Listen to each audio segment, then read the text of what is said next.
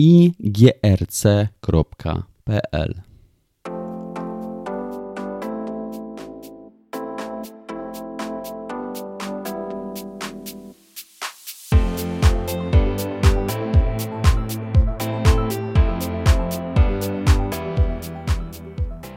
Dzień dobry, nazywam się Tomasz Pawlak i chcę Was zaprosić do wysłuchania mojego podcastu związanego z ochroną informacji, zarządzaniem ryzykiem i zgodnością z regulacjami w serwisach IT.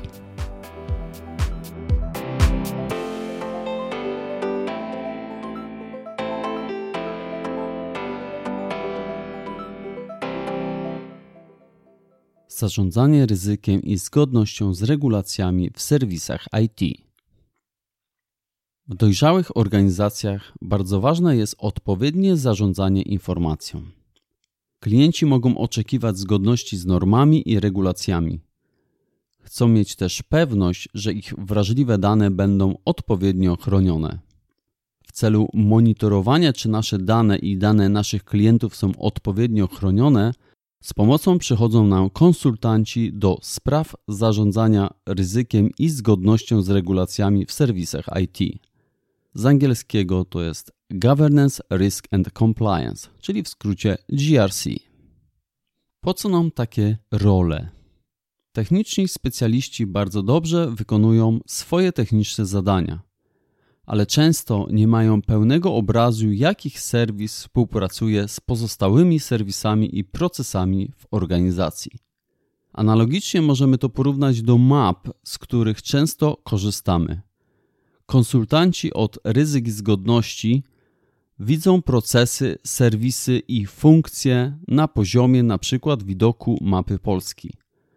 Poszczególne działy IT to widok mapy na poziomie województwa. Natomiast widok mapy na poziomie powiatu i gmin to już konkretne serwisy lub procesy spełniające określone funkcje. Konsultanci od zgodności i ryzyk nie znają szczegółów technicznych, ale orientują się w serwisach, procesach na bardzo ogólnym poziomie i bardzo dobrze znają ich zależności.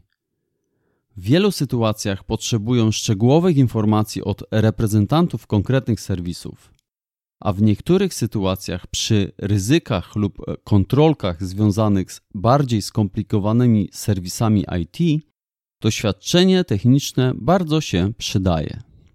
Osoby od zarządzania ryzykiem i zgodnością z regulacjami w serwisach IT mogą pomóc przy konsultacji w sprawie kontrolek z najważniejszych polityk w organizacji, pomoc przy zewnętrznych i wewnętrznych audytach, konsultacji w sprawie ryzyk operacyjnych w IT, czyli dbanie o jakość ryzyk, postępowanie zgodnie z procesami, raportowaniem ryzyk w celu identyfikacji wszelkich anomalii, konsultacji przy ocenie zgodności aplikacji z wewnętrznymi i z zewnętrznymi regulacjami oraz wszystkimi wewnętrznymi politykami firmy, których ta aplikacja dotyczy.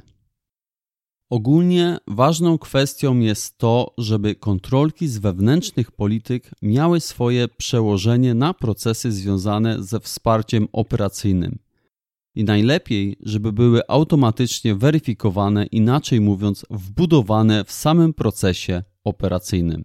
A jeśli nie jest to możliwe, przynajmniej okresowo weryfikowane. Przy monitoringu kontrolek należy zacząć od najważniejszych parametrów dla organizacji. Kontrolki powinny być konkretnie sprecyzowane, mierzalne, osiągalne, realne i określone w czasie. Bardzo ważny jest dostęp do kompletnych danych wejściowych oraz ogólne zrozumienie struktury tych danych. Dzięki temu anomalie w danych będzie można łatwo zidentyfikować i zakomunikować kierownictwu wyższego szczebla. Konsultanci do spraw ryzyk i zgodności bardzo często korzystają z narzędzi do inwentaryzacji zasobów i ich zależności. Oto przykładowe zastosowania. Raport, który pokaże liczbę produkcyjnych serwerów z niewspieranym systemem operacyjnym Windows. raport z wszystkimi zasobami wykorzystywanymi w krytycznych aplikacjach biznesowych zlokalizowanych w podstawowym i zapasowym centrum danych wraz z ich zależnościami. Informacja ta może być kluczowa przy aktywacji planów ciągłości działania. Raport krytycznych aplikacji w organizacji, które używają zasoby z niezałatanymi krytycznymi podatnościami. Innym raportem może być to lista krytycznych zasobów wystawionych bezpośrednio do internetu z identyfikowanymi krytycznymi podatnościami. Możliwości raportowania są ogromne. Niezależnie od tego, z jakiego narzędzia korzystamy, istotne jest to, żebyśmy dysponowali aktualnymi danymi.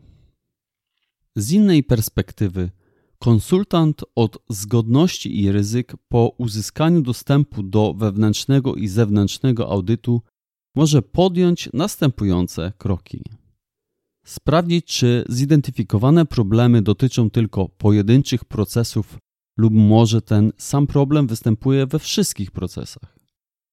Zweryfikować, czy podobny problem został już wcześniej zidentyfikowany w jakimkolwiek istniejącym ryzyku Złożoność tego zadania będzie w dużym stopniu zależała od jakości informacji udokumentowanych w ryzykach operacyjnych.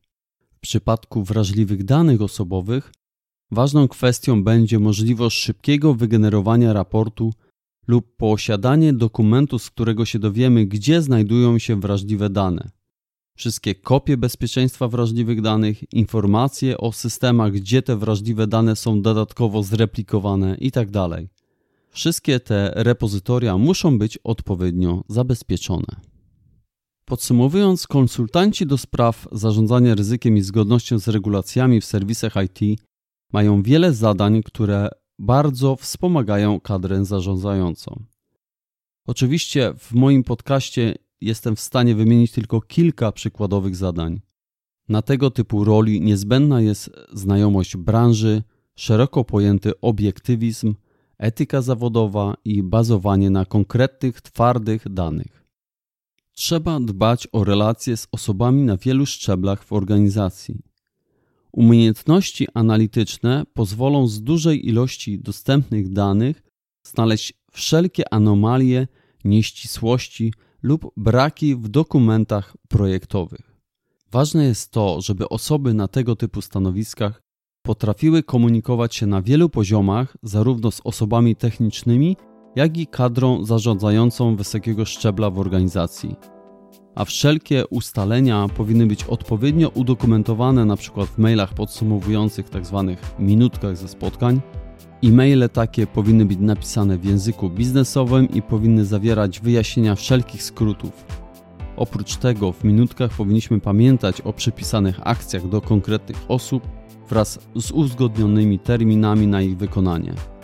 Potem pozostaje nam już tylko monitorowanie postępów.